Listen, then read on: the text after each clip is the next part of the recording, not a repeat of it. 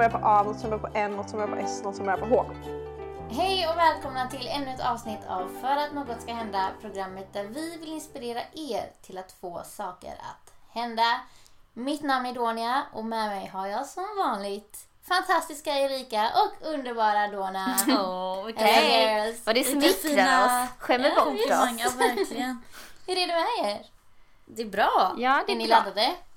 Jag, Ja. känner- jag måste bara säga det att det är som du sa innan då, man är lite ringrostig typ. Man är det. Ja. För att vi har ju inte spelat in sen i våras egentligen. Nej. Vi har ju startat igång höstsäsongen med ett avsnitt redan. Mm, med Ångestpodden. Men vi har ju inte spelat in än för höstsäsongen. Alltså Nej. efter det. Vi- Vi spelade in med dem i våras när vi fick tillfället att träffa dem i Erikas hometown höll på att säga, men det är det ju inte. Mm. Nej, där du det bor inte, nu, men eh, ja, Karlshamn. nuvarande hometown. Ja. Exakt.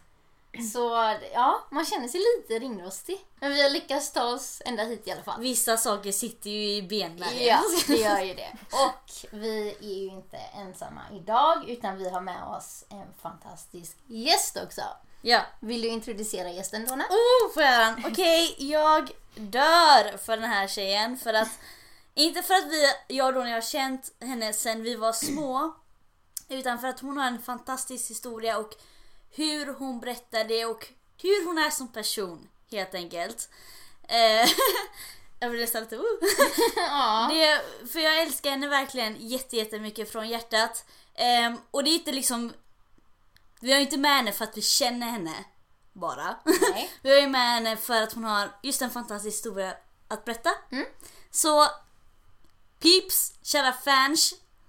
Låt mig presentera Kima! Yay! Välkommen! Kima, jag, jag tappade orden. Alltså, jag var så, det är så här, du vet när man, när man bryr sig så mycket om någon så blir man, så här, man blir lite mållös Alltså jag typ. satt ju här och typ inte hur grät jag- och fläktade mig och man, jag får inte säga någonting heller. Så jag bara typ sitter, här och gör bara, Tack, det var jättegulligt sagt. No, I but love you girl, too. you know that. Ja. Kul att du är här idag. Hur känns det att vara med? Det är jättekul att få vara med. Det är lite av en dröm som går i uppfyllelse. För jag vill ju liksom sprida det här budskapet vidare. Så jag är väldigt, väldigt tacksam. Yes, och eh, för er kära fans som följer oss eh, så vet ni säkert att i höst så är vårt tema psykisk ohälsa. Eh, och vi kommer då prata om olika, vad ska man säga, grenar inom psykisk Ja, alltså det är väldigt, väldigt stort och det är väldigt, väldigt brett och vi är jättemedvetna om det här. Vi har försökt ta oss an ehm, några som, alltså några ämnen där vi känner liksom så här, men vi har någon som är villig att prata om det. För det man gör när man är med i det här, och det är det jag skulle säga till dig Kima, det är väldigt, väldigt modigt Tack. att Verkligen. liksom prata om det. För det är inte alla som är redo ännu eller känner att det kanske inte är rätt Nej. sätt för dem att handskas med sin ohälsa eller vad man nu ska kalla det. Ehm, Men Så- däremot, för att fylla i, Ja. men däremot så finns det alltid folk som behöver höra någon annan prata. exakt. Exakt, exakt. Exakt. Men hörni, innan vi går in på vad det är för gren, som jag kallade det, Ja. så tänker jag att eh, våra lyssnare ska få lära känna Kima lite bättre. Ja! Så, yay! Så vi har förberett lite, vad kan man kalla det, lekar? Ehm, så att ni ska få lära känna vår underbara gäst lite mer. Ehm, jag tänkte Erika, du ska få ta över här och, och sätta igång Ja, fem var snabba. lite lekledare. Nej, jag ska. eh, Jag, eh, ja precis. Jag har ju fått äran då att köra fem snabba med Kima. Ja! Eh, kul. så är, är du redo Ja, Kima? jag älskar sånt här. Ja, nice. Okej, Ni vet hur fem snabba går fem till, va? snabba. Det är lite pest eller kolera. Ja, precis. Lite som pest eller kolera.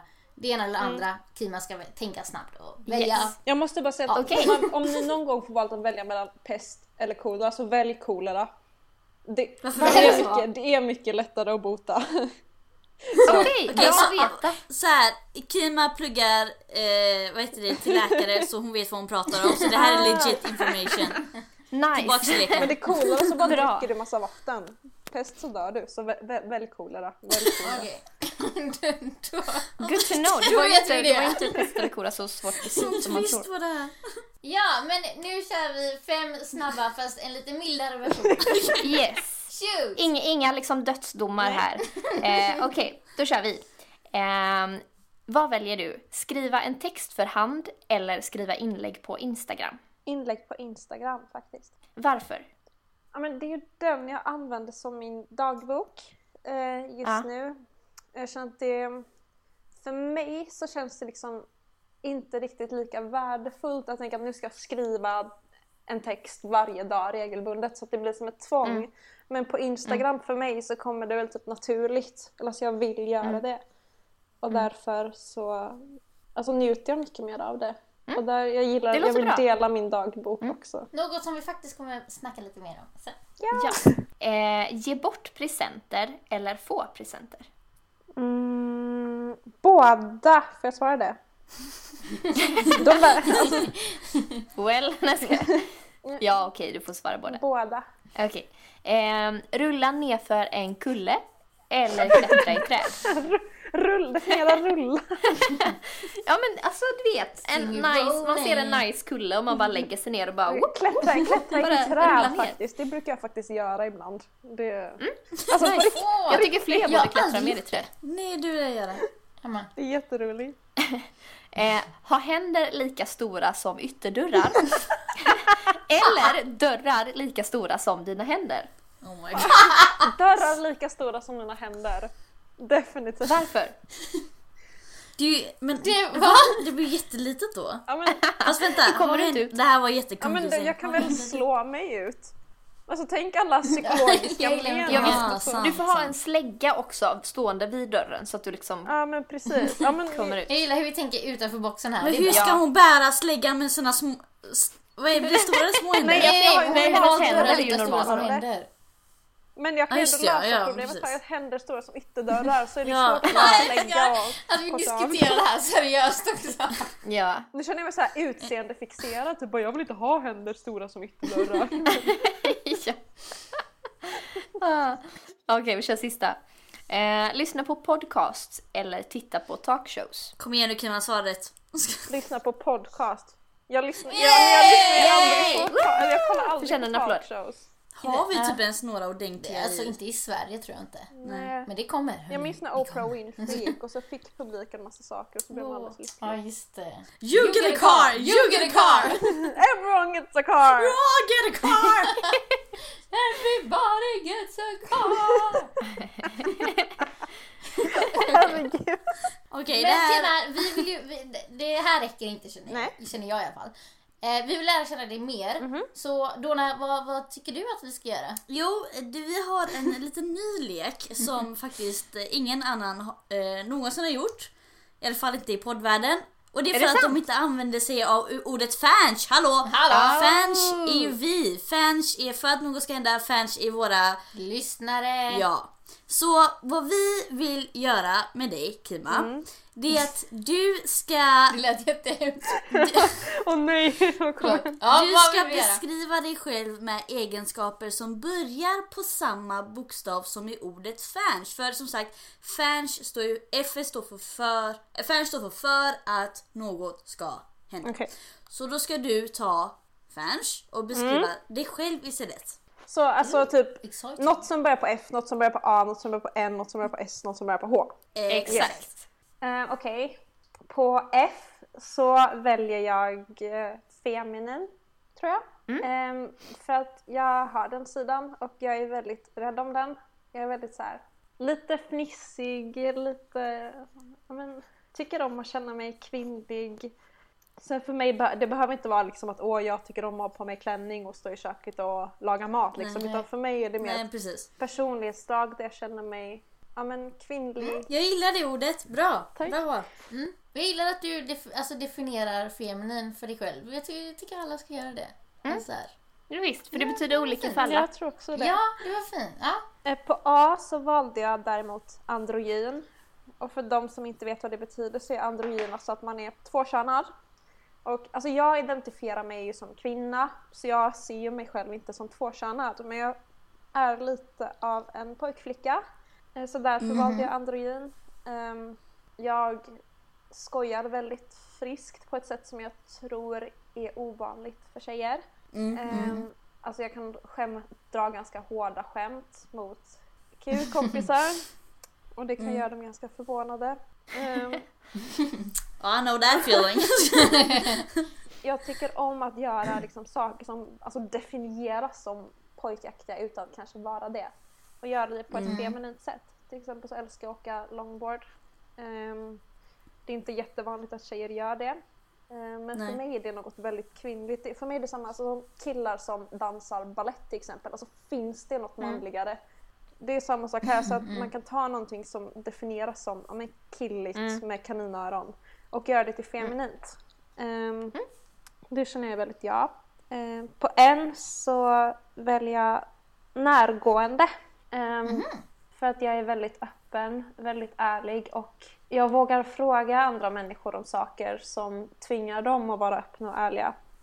Ehm, Jag är också väldigt gosig, jag tycker om att kramas. så det är väl också närgående på sitt sätt. Eh, på S så tänkte jag att jag väljer det absolut mest standardaktiga ordet som börjar på S och det är snäll. Det är i alla fall det jag Ja, hoppas. Ett underskattat ord tycker Ja. jag. Det är verkligen underskattat. underskattat. Men jag tänker, Mer snällt till folket. alltså jag hoppas i alla fall att jag är snäll. Ehm, jag, kan, alltså jag kan ju vara rätt tuff och bestämd också men jag tror innerst inne så är det väl för att i alla fall vara snäll mot mig själv. Jag kan intyga att du är snäll. Ja, tack. Jag försöker verkligen. Ehm, på H har jag valt hyper. För att jag är, jag är väldigt studsig och glad och tycker om att göra andra studsiga och glada. Eh, och det gör inte så mycket för mig om det syns. Det är inte så att jag går runt och är rädd för att det ska vara löjligt eller någonting.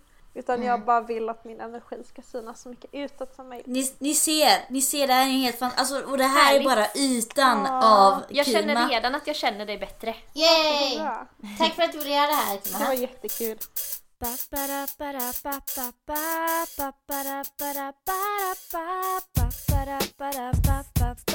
För att något ska hända va?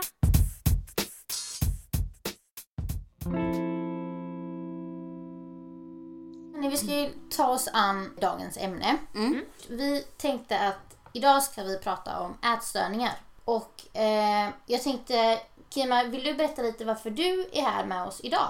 Ja, det kan jag göra. Ehm, jag har lidit av ätstörningar två gånger skulle jag säga. En gång när jag var väldigt, väldigt liten, när jag var ungefär nio och då tvekade jag om jag ens visste vad det var. Och sen senast nu från 2013 och framåt till, ja men ja, nu kan man väl säga, där jag har varit döende. Och jag pratar väldigt öppet om det på till exempel min Instagram och med andra. Och jag är väl här för att jag vill sprida budskapet vidare om vad det egentligen är och försöka utrota det. För jag tycker ätstörningar är väl någonting som, precis som cancer, bör utrotas. Fastän det kanske inte fungerar på samma sätt. Om vi säger som så att för de som inte riktigt vet eller är insatta, eh, hur skulle du vilja definiera ätstörningar? Jag skulle vilja definiera det som alltså ett sjukligt fixer, en sjuklig fixering vid Mm. mat, ätande och hur ens kropp ser ut. Och också en fel uppfattning om hur man egentligen ser ut och hur man egentligen äter. Mm. Det var väl en jättebra eh, Ja, beskrivning. för det är ju en bild för den som inte vet vad ätstörningar är. Hur det är man förhåller sig till ja, med mat, bland annat. Sen måste jag bara påpeka också att det här är då såklart, ehm, det, är, det är din definition av det här Kema. Sen finns det ju andra som kanske definierar på andra Absolut. sätt också. För det finns ju olika sorters ätstörningar. Det är inte Absolut. bara på ett sätt. Nej. Eh, Men i helhet så är det väl det det handlar om, det du nämnde nu Kema. För ätstörningar är väl ett samlingsord för om man har olika Ja, slags... precis. Alltså en ätstörning kan ju vara att man äter för mycket till exempel. Det kan det också Ja, precis. Så, men för mig är det en ett sån sjuklig fixering som tar över Ja. hela livet. Liksom. Och vi kanske ska påpeka det också att vi är jätteglada att Kima är här för att prata om det här med oss. Men vi förstår också att eh, hon representerar ju såklart inte alla som Nej. lider av detta. Utan det här är ju din sida och din version. Mm. Eh, och en del av liksom, den här upplevelsen Jo, men och det här precis. problemet. Mm. Ja, men vad bra att ni säger det. Ehm, alltså, skulle du vilja förklara lite mer eh, hur det kan uppstå? Eller hur det... Kanske, eller hur det började för dig i alla fall. Ja, precis. Eller hur det började för dig. Ja, För här tänker jag att det kan vara väldigt olika. Mm. Eh, Och jag har hört olika historier också på till exempel andra poddar. Ehm, Men för mig så började det väl som alltså en tanke att jag inte var tillräckligt mycket värd om jag inte var en viss storlek.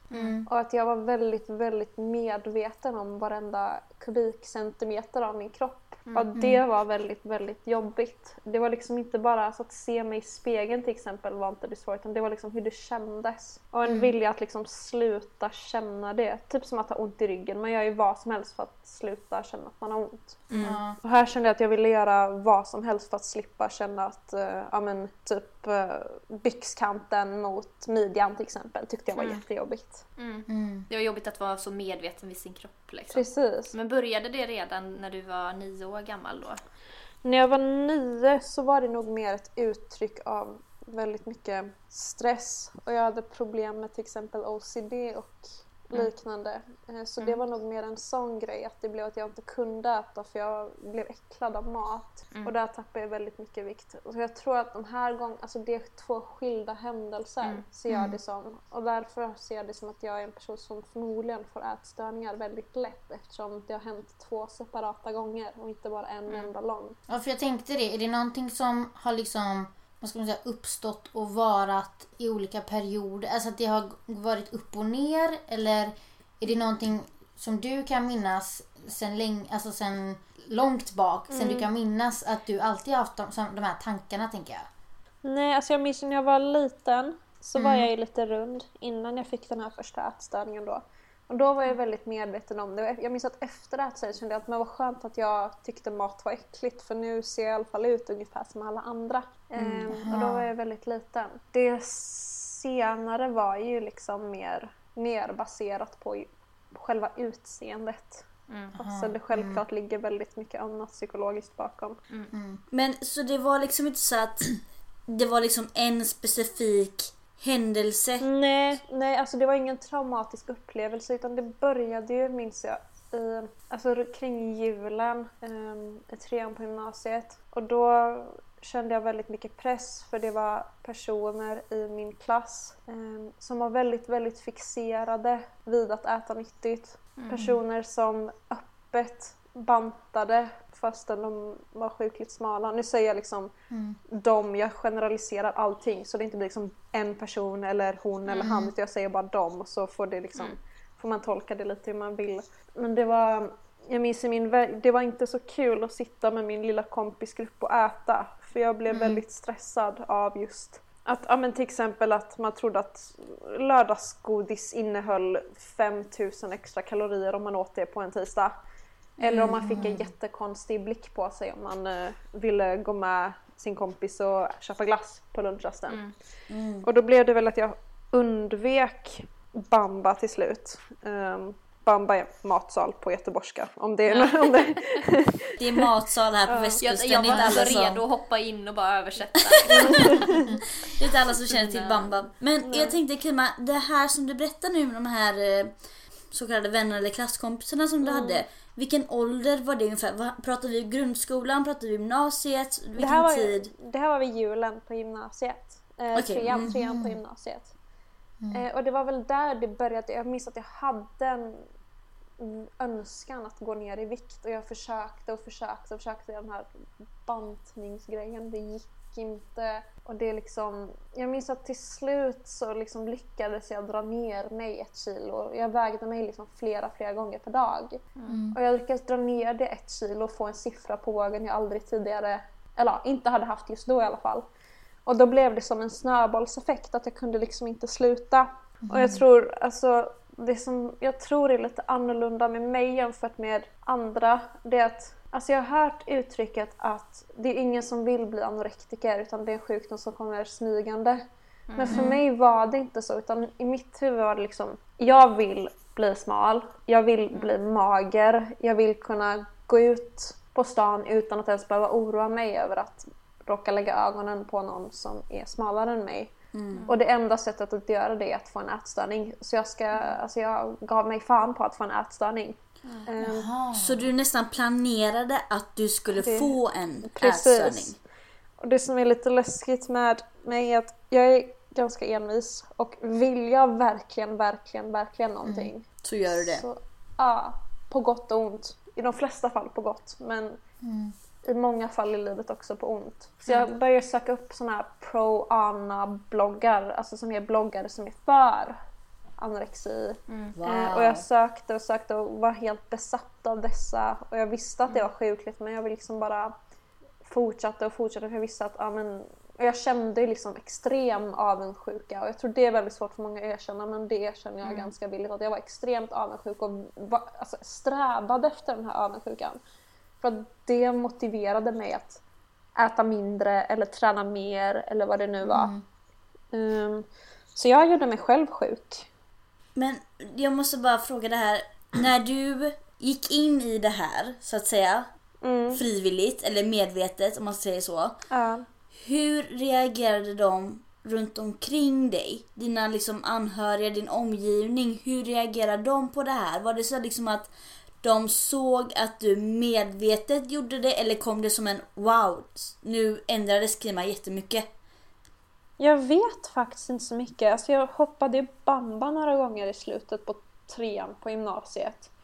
Och då försökte mina kompisar få med mig och då sa jag bara nej men jag tycker inte om den maten som är idag, jag har med mig macka, alltså lite sådana saker.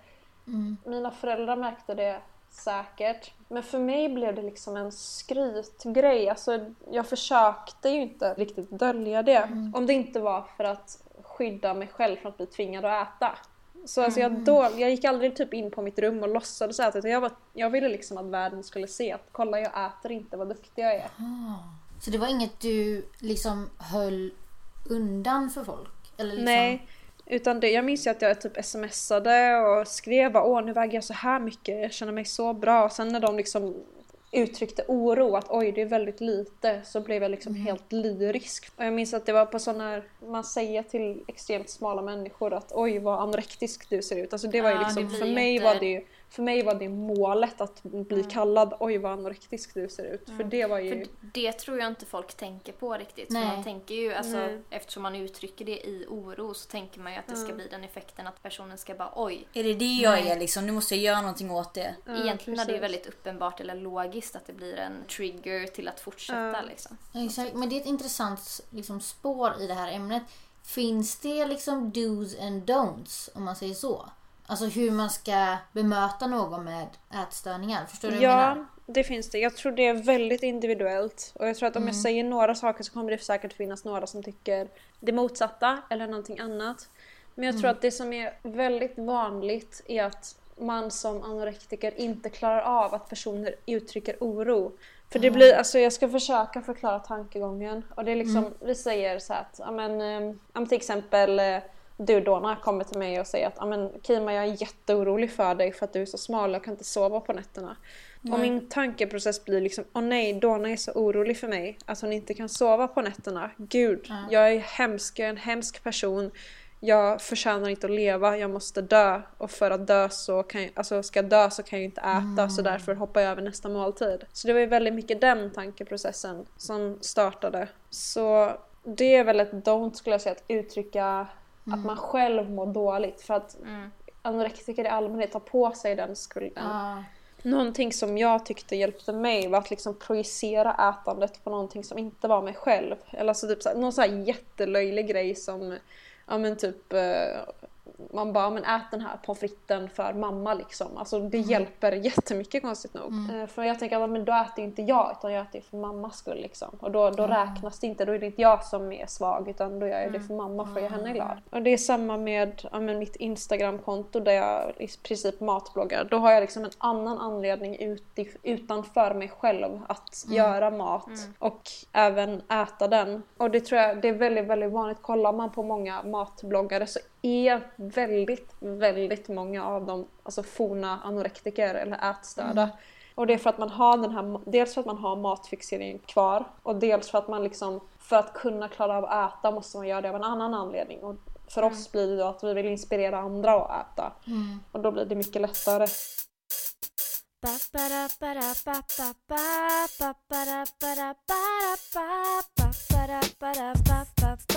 För att något ska hända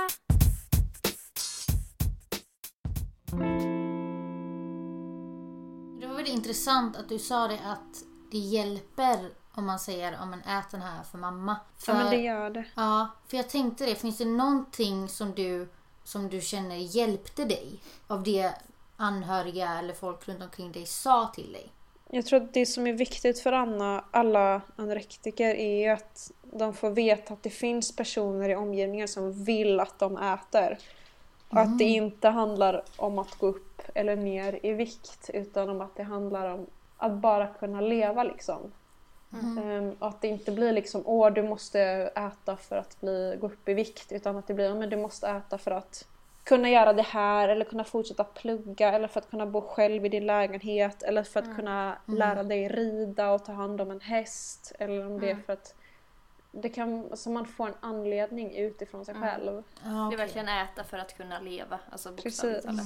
Ja. Precis. Men jag tänker på, jag går ju tillbaks hela, eller nu går jag tillbaks igen till just anhörigas perspektiv för jag tror att det också spelar en stor roll Mm. eh, när det gäller just psykisk ohälsa, hur anhöriga känner sig, hur de relaterar, relaterar de ens? Och jag vill bara typ, och jag har sagt det här tusen gånger till dig Kemma, Mm. eh, men i och med att det här är en skuld som jag fortfarande har, som jag inte Mm. kommer komma över. Eh, Nej, det är okej. Kram över datorn. Nej, alltså jag älskar dig jättemycket. Jag har aldrig, aldrig, aldrig klandrat någon. Och det kommer jag aldrig göra heller. förlåt.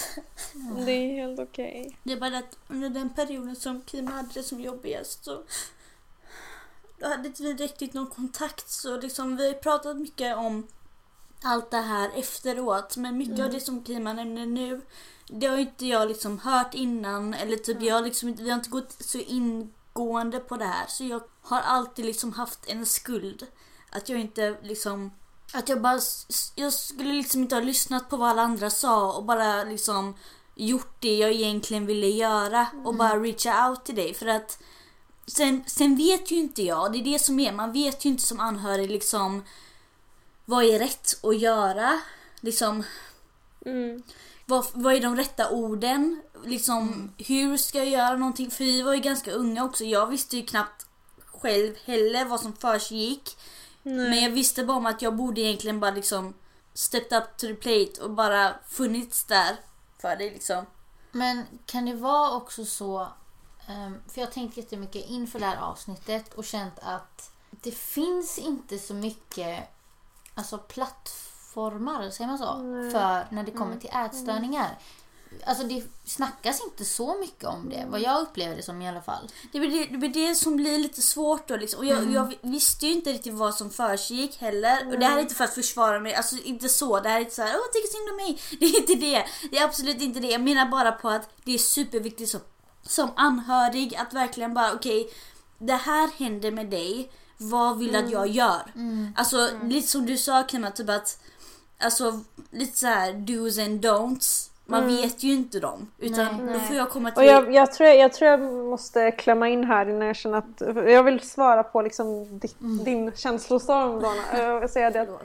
Alltså, under den här perioden så bodde jag ju i Skottland. Så jag påbörjade min läkarutbildning där. Mm. Och jag isolerade mig väldigt mycket. Eh, och jag dolde det här för att, alltså inte för att jag skämdes eller inte ville ha hjälp utan för att jag helt enkelt inte hade energin. Mm. Och eh, för att fly undan ätstörningen så pluggade jag sönder mig. Jag pluggade liksom 15 timmar per helgdag och det var alltså 30 timmar per helg. Eh, utan att egentligen behöva det. Och jag, jag kan inte klandra någon för jag isolerade mig själv. Jag hade bara kontakt med de närmsta, alltså familj och partner liksom. Det är, det, det är ju en sån väldigt vanlig sak med alltså, psykisk ohälsa Mm. rent generellt. Att, alltså, att isolera sig Mm. är ju den starkaste instinkten när man inte mår bra. Och jag klandrar ju liksom ingen för jag vet att folk liksom har svårt. Alltså folk vet inte vad de ska göra. Och det är ingenting, alltså jag har aldrig, aldrig någonsin suttit och tänkt att åh men had, kan, kunde inte mina kompisar ha gjort det här eller det här? Nej. Eh, Utan tvärtom tror jag, alltså om man ser personer som kanske uttrycker någonting, att de är ledsna över någonting på ett socialt medium och de får massa kärlek och tänker på det hjärta, hjärta, hjärta och de skickar presenter och de har sig. Jag får den uppfattningen att de är inte riktigt tacksamma. Nej. Mm. Med- Medan när jag fick ett litet, litet eh, Ja men typ härom eh, veckan var det en kompis som eh, skrev till mig och hej jag bad ehm, ikväll och då kommer jag att tänka på dig. Och alltså den lilla grejen vände ju liksom totalt upp och ner på min värld. Mm. Så därför, alltså jag kan inte... Jag Jag förstår. vet, jag vet, du har aldrig klandrat och det säger du om och om. Nej. För igen, vi har tagit upp det här innan. Mm. Och förlåt att jag gråter. Men, Det är men, vad heter det? men det är bara det att det blir ju lite så när man har någon så nä- nära Ja. en liksom Mm. på och pratar om sånt här tungt liksom. Men, men det Jag jag, jag skulle säga att jag vet om att du inte klandrar mig men det är ju en skuld Mm. som man har inom sig. Och, och det vet jag inte heller, bara, är det rätt att säga? Är det, jag vill inte liksom lägga det på dig heller förstår du. Men jag är Mm. Nej, bara så glad att det här tas upp Men- och jag Mm. bara, vill bara uppmana att prata, prata, prata för Mm. psykisk ohälsa. Det, det är inte, visst, på ett sätt så visar statistiken att det är mer nu. Men egentligen så är det bara för att statistik finns mer nu än vad det fanns då. Det är också Mm. en sån grej. Så det betyder inte att det inte har funnits tidigare. Det, det är bara att vi måste prata mer om det. Liksom. Mm. Men Ja, jag eh, jag tänker, om du tänker tillbaka, ehm, hur ser de vardagliga tankegångarna ut nu jämfört med förr? Oj, Är det upp alltså och ner? förr var det... Nu eller? tänker jag... Nu tänker jag så tankegången jag hade när jag bodde i Skottland och mådde som Mm. absolut sämst och inte hade något stöd alls. Ehm, för att familjen var ju här och jag var där ensam. Men alltså allting kretsade ju kring mat. Mm. Och alltså jag gick upp jättetidigt på morgonen, så fem sex för att gå ut och springa innan skolan. jag missbrukade laxertabletter som om det vore knark. Ehm, eh, jag, eh, alltså, jag, bara, jag, jag var ju svältandes. Och en svältande kropp gör någonting med psyket. Så jag var konstant på jakt efter föda. Liksom. Alltså hela min inre grottmänniska bara liksom letade efter mat. Och räknade liksom timmarna tills jag skulle få äta. Och jag åt mycket när jag väl åt.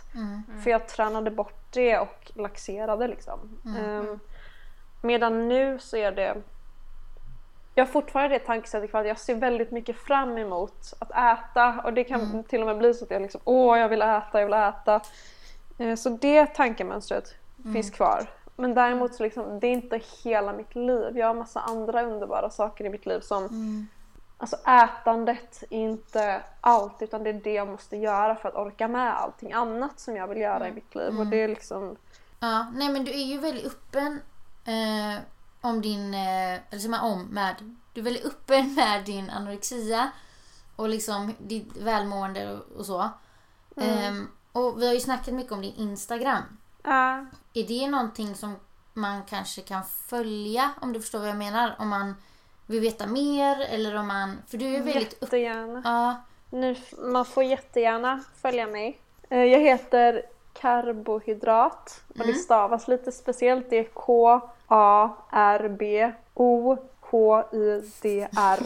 K-A-R-B-O-H-Y-D-R-A-A-T. Så ja det, vi, vi kommer det lägga en- upp det. Så. Vi kommer tagga och allting. Så det, Det är en Men bara för de som vet, det är åtminstone... Jag säger inte att ni kan söka hjälp på Kimas Instagram, men nej, man kanske kan få en inblick av i alla fall hur ditt liv ser ut. Eller hur Ja. dina liksom... Fast jag måste säga, jag följer dig slaviskt. Alltså Ja. jag är så här, jag läser, du vet, okej jag ska erkänna, vissa posts som vissa gör med långa texter, jag kan typ skumläsa, Ja. likea. Ja. Men jag läser verkligen varenda ord Jag i med. mina inlägg. Och jag, och jag menar det för att jag vill verkligen veta och sådär. För att det är så, för att konceptet av Kimas Instagram Let me break it down to you. Det, det är, det är basically, du gör, vad kallar du dem? Då när jag jag kallar dem smoothie bowls men då när jag sa Nice creams, eller? Nej? ah, smoothie bowls, nice creams. okej, så massa- båda hade rätt. Så det Kima gör, det är att hon gör dessa fantastiska, alltså ni ska se alltså du är så sjukt bra på upplägg, designen och typ ingredienser. skojar du? Och oftast får du inspiration av andra men vissa saker kommer du på själv. Ja. Så, så Kima gör de här, ehm, lägger upp dem och skriver i samband med det här liksom hur hennes dag har varit eller var hon fick sin inspiration ifrån eller typ har hon haft en dålig dag så skriver hon det. Du har haft livesändningar där du helt öppet har berättat liksom hur, Hur du, mår, mår. hur du har haft det, idag är det en bra dag, är det en då- dålig dag, hon har tagit på sig nya aktiviteter. Alltså, för jag tycker det är Följ! så... Nej men det är så kul, det, men det är så målande och bara när du pr- pratar Mm. nu, det är väldigt målande av hur, hur du mår och vad du tänker och sådär. Det är väldigt så här som man kan, kanske inte relatera för att man inte varit med om det, men man kan förstå. Mm. Man kan få en bild av vad det är. Gud Ehm, vilken fin beskrivning, det var jag Men alldeles verkligen, och det är väl lite därför vi, vill, vi ville ha med dig också Kima. För att vi kände, vi som, alltså jag och Donna känner ju dig som sagt.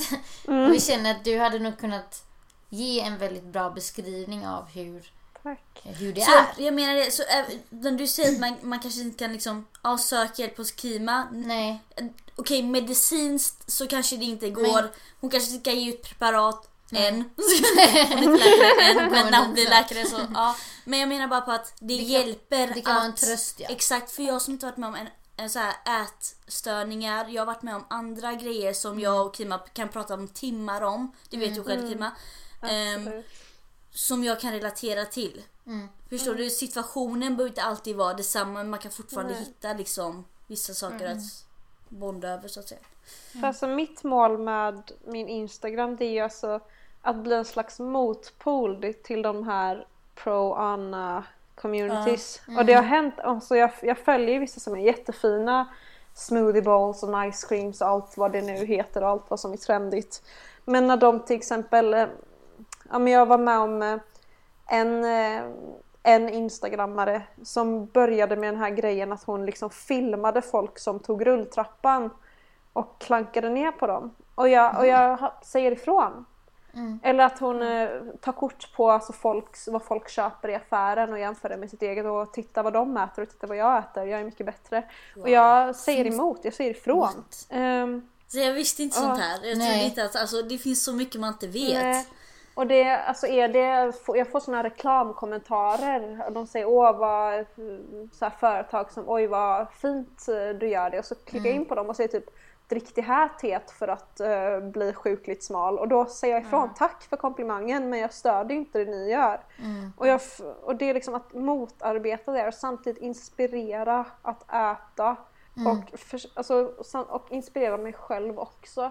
Att liksom ha en anledning och Man blir hungrig Alltså, när man går in på din Insta, det är verkligen. garanterat. Man blir så hungrig. Vi kan sitta och prata om det här hur länge som helst men ett, ett tips är verkligen gå in på Kimas Instagram och verkligen, ni kommer förstå vad vi menar med det här. Men eh, Gör Kima, gärna det, alla är välkomna. Ja, Ja. Här, våra Eh. vänner, förlåt, våra vänner har ju kommit och sagt på åh så här, Typ så här, jag har sett det här på Ja. Kimas in... Alltså jag lovar, okej det. Men, Jag eh, fangirlar Ja, verkligen. Men eh, Kima, eh, Ja. eh, vad ska man säga, mer, eh, mer professionell hjälp. Har du några Mm. tips om var man kan vända sig eller eh, för de som kanske vill bara öka sin kunskap, någon organisation, Mm. några böcker. Har du någon tips på något sånt? Alltså det absolut viktigaste om man har en ätstörning eller är på väg in igen det är att man måste, måste, måste få professionell hjälp. Mm. Det är samma sak om man har en kompis som börjar bli väldigt smal. Då måste man söka professionell hjälp. Även om personen säger att nej men den mår bra eller att den inte vill ha hjälp. Så jag respekterar autonomi, alltså självbestämmande rätt väldigt mycket. Men här blir det en fråga om liv och död. Och f- jag tror anorexi är en av de värsta psykiska sjukdomarna enligt mig eftersom till skillnad från många andra så blir du inte hjälpt. Så dör du. Det är liksom, du kan leva med en depression hela livet, du kan leva med schizofreni hela livet men får du inte, alltså blir du inte botad från din anorexi så kommer du till slut att dö. Och jag, jag har också hamnat liksom på sjukhus med jättelågt blodvärde och då jag var nära att ja, men, dö. Och då ville jag ju absolut inte ha hjälp och vägrade i vissa fall hjälp. Men att man någonstans måste, alltså det handlar om att rädda liv på personer. Som egentligen inte vill dö utan som bara inte vågar äta. Så det är väl om man vänder sig till BUP eller om man inte trivs där så kan man vända sig till en vårdcentral, det funkar jättebra. Mm. någonting som hjälper väldigt mycket för folk med ätstörningar det är att samla information. Så artiklar hjälper väldigt mycket med fakta. Att mm. om du inte äter det här och det här och det här så händer det här och det här och det är jättedåligt. Mm. Mm. Och då kan man liksom börja tänka i banan att aha men då måste jag äta det här och därför händer det där och det vill jag mm. inte. Så då mm. tänker man att amen, jag äter och, och känner mig inte svag. Jag känner mig att amen, jag gör ju det här bara för att kunna mm. göra det där. Att det är mer svart på det. vitt menar du? Liksom, att man vet ja, exakt precis. hur det ligger till. Mm. Uh, så att det, jag, jag, äter inte för att jag är för svag för att svälta mig utan mm. jag äter för att jag tar det aktiva valet att göra det. Um, en bok som hjälpte mig väldigt mycket och som även hjälpte väldigt mycket när mina anhöriga läste. Mm. Uh, den hette Ätstörningarnas hemliga språk. Mm. Och är skriven av, jag tror hon heter Peggy Claude Pierre. Och hon um, drev en ätstörningsinstitution som den blev nedstängd och det var någon liten kontrovers där att det inte var, allt inte riktigt var som det skulle. Och jag har inte tillräckligt med kunskap att säga om det de gjorde var bra eller inte. Men det jag vet är att den boken hon skrev hjälpte mig väldigt mycket och beskrev väldigt mycket av mina tankar och alltså lärde mig väldigt mycket om mig själv. Mm. Och lärde även till exempel mina föräldrar att hantera min ätstörning. Mm. Sen också en bok som Portia de Rossi, skådespelerskan, ja, har skrivit. Ja. Eh, som heter Unbearable Lightness. Som handlar om bulimi. Eh, och den var också väldigt, berörde mig väldigt djupt och man känner igen mycket även om jag hade anorexi och inte bulimi. Ja. Och sen att man, alltså det är mitt största och bästa tips, liksom bara ta bort alla Instagram-konton, alla Facebook-vänner, alla bloggar som påverkar negativt. Mm. Mm. För det, För det gjorde du ett tag, minns jag. Ja. Mm. Facebook har jag inte längre, jag har raderat det. Du har ju egentligen bara Instagram har du. Ja, precis. Eh, och jag följer inte, alltså hur fina maträtter man än gör mm. så är det för mycket kropp. Alltså det är klart att har man en snygg kropp så visst kan man lägga upp bilder på den. Det gör jag också ibland bara för att jag tycker det är härligt. Mm. Men påverkar det mig psykiskt så kan jag ändå ta ett ansvar att nej men det kanske inte är så bra att just jag följer den här personen. Mm. Liksom. Och att man liksom vågar ta det steget att avfölja. Och det är väldigt befriande. Mm. Jag tänker innan vi avslutar här för oss tre som mig, Dona och Erika som är liksom lite utomstående. Vad tror vi behöver göras för att något ska hända när man har lyssnat på allt det här nu? Erika, vad tror du? Alltså jag tror mycket, jag tänker när vi kom in på det här när det blev lite emotional eller så. Mm. Eh, Ber om ursäkt för det igen. Alltså, nej, nej, nej, nej, nej det är jättebra. Alltså, jag tycker det är mer, mer, mer, mer känslor mm, till folket. Absolut. Eh, men också det här att liksom våga fråga någon annan. Så här, vad kan jag göra för dig? Mm. Och lite så här, om jag mm. inte vet vad jag kan fråga eller så här, om man är rädd för att trampa någon på tårna mm. eller så här, inte riktigt vet vad man ska göra. Mm. Att våga fråga. Mm. Ja, jag mm. tror att det, det kan vara det viktigaste liksom, man kan göra kanske. Verkligen. Hörni, jag känner att jag hade kunnat sitta och snacka som alla ämnen. Men jag hade alltså, kunnat sitta och snacka hur länge som helst. Men vi får nog tacka Kima så hemskt, hemskt mycket att du ville vara med. Supermodigt verkligen. Jag beundrar dig något Tack. så oerhört. Mm. Supermodigt verkligen. Ja. Verkligen. Och jag hoppas att det här hjälper Tack. åtminstone en person som lyssnar på det här. Med de orden så hoppas vi att vi med detta avsnitt har lyckats upplysa, inspirera och motivera er för att något ska hända. Ska jag trycka på stoppknappen nu? ja, det kan jag.